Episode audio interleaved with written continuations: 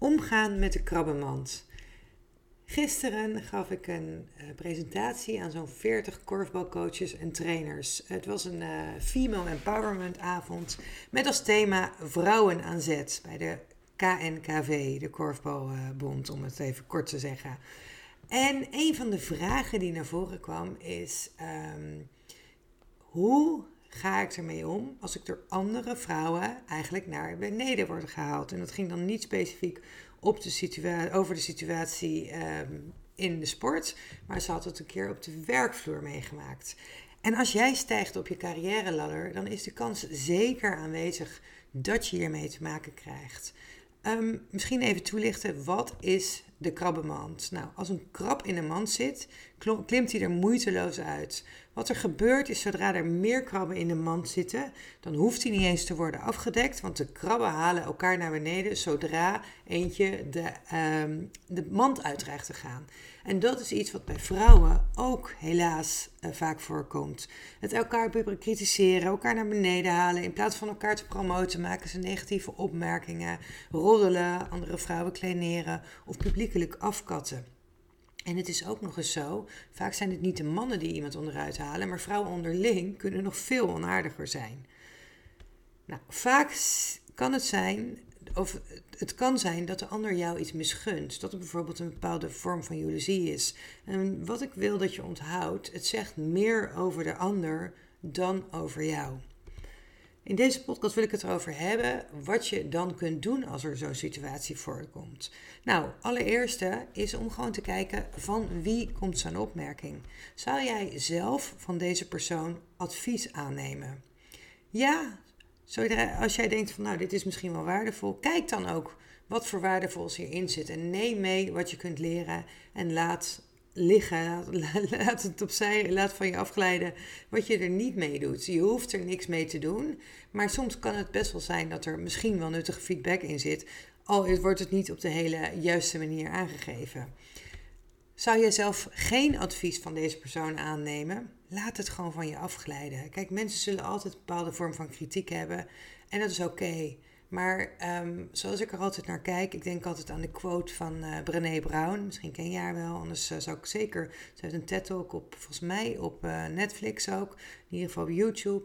Um, zij zegt, if you're not in the arena getting your ass kicked... I am not interested in your feedback. Dus kijk gewoon, oké, is dit een persoon waar ik wat mee zou moeten? En anders besteed er ook niet te veel aandacht aan. De vrouw die je dit gisteren benoemde, die gaf aan, er was een andere vrouw die had gezegd, zo, jij durft, nadat ze een bepaalde presentatie had gehouden en wat scherp was geweest. De vraag is ook, welke interpretatie geef jij eraan?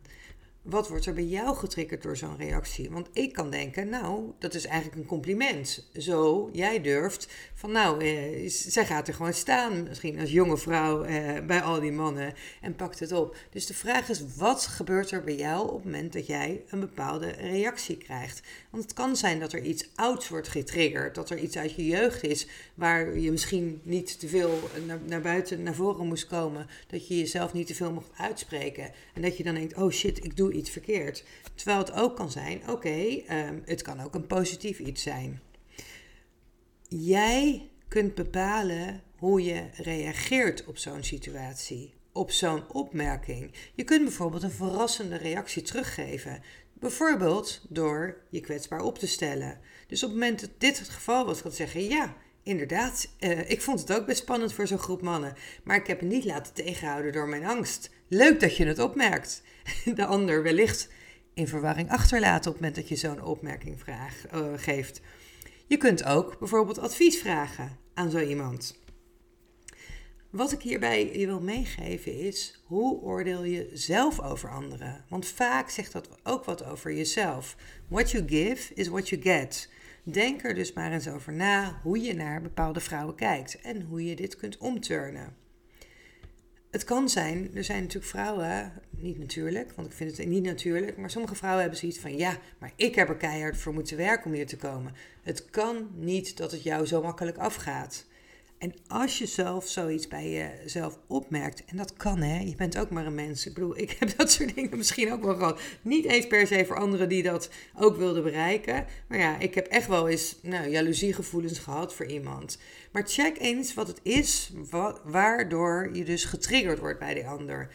Misschien heeft die ander iets waar jij misschien, waarschijnlijk, wat meer van zou willen hebben. Het kan bijvoorbeeld onbevangenheid zijn speelsheid, een bepaalde jaloezie op iemand die daar dus al op jonge leeftijd staat. Maar het kunnen bijvoorbeeld ook de looks zijn of het inzetten van een vrouwelijke charmes. Vaak is het iets dat jij, en het kan heel goed onbewust zijn, zelf ook graag zou willen, maar nog niet helemaal machtig bent. En daardoor is het makkelijker vaak om op de ander af te geven. Maar bedenk, als je dus dit ervaart, jij hebt de weg vrijgemaakt voor andere vrouwen. En nu staan die andere vrouwen daar ook. Je mag je gewoon heel erg trots op zijn. En als jij het bij een ander opmerkt, ik noemde net al wat, wat uh, uh, voorbeelden, bedank haar bijvoorbeeld. Of stel een vraag, stel je kwetsbaar op. Bedenk, je kunt de ander niet zomaar veranderen. Je kunt wel veranderen hoe je met zo'n situatie omgaat. Dus kies jij ervoor om met haar mee te gaan en dan ook negatief terug te doen? Of besluit jij je energie en je woorden positief in te zetten? Als jij de ander in verwarring achterlaat door een reactie te geven die ze waarschijnlijk niet verwacht, is dat een van de meest effectieve manieren. Om deze podcast af te sluiten, wil ik gewoon even een oproep doen om hier zelf niet in mee te gaan. Als jij oordeelt over andere vrouwen, dan is de kans groter dat dit ook gebeurt bij jou. Dus gedraag je zoals je wilt dat anderen zich tegenover jou gedragen. Laten we elkaar daarin steunen en motiveren. En dat betekent niet dat we het met alles van elkaar eens hoeven te zijn. Ik heb eerder een keer een discussie gehad met iemand die zei tegen mij: Ja, je moet op die persoon stemmen omdat het een vrouw is. En ik was, dat was niet mijn politieke partij op dat moment. En um, zei ik ook, ik zei, nee, dat ga ik niet doen. Ik ga niet op iemand stemmen omdat het een vrouw is.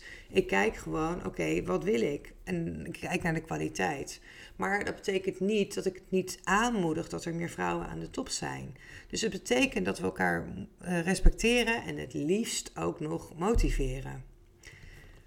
Vond je deze podcast waardevol? Dan zou ik het heel fijn vinden als je hem deelt op bijvoorbeeld je socials en of mij een 5 sterren review geeft. En als je denkt, nou die Esther zou ik ook wel eens willen inhuren als spreker, dan kun je mij altijd een DM sturen via LinkedIn of Instagram om te vragen naar de mogelijkheden. Bedankt weer voor het luisteren.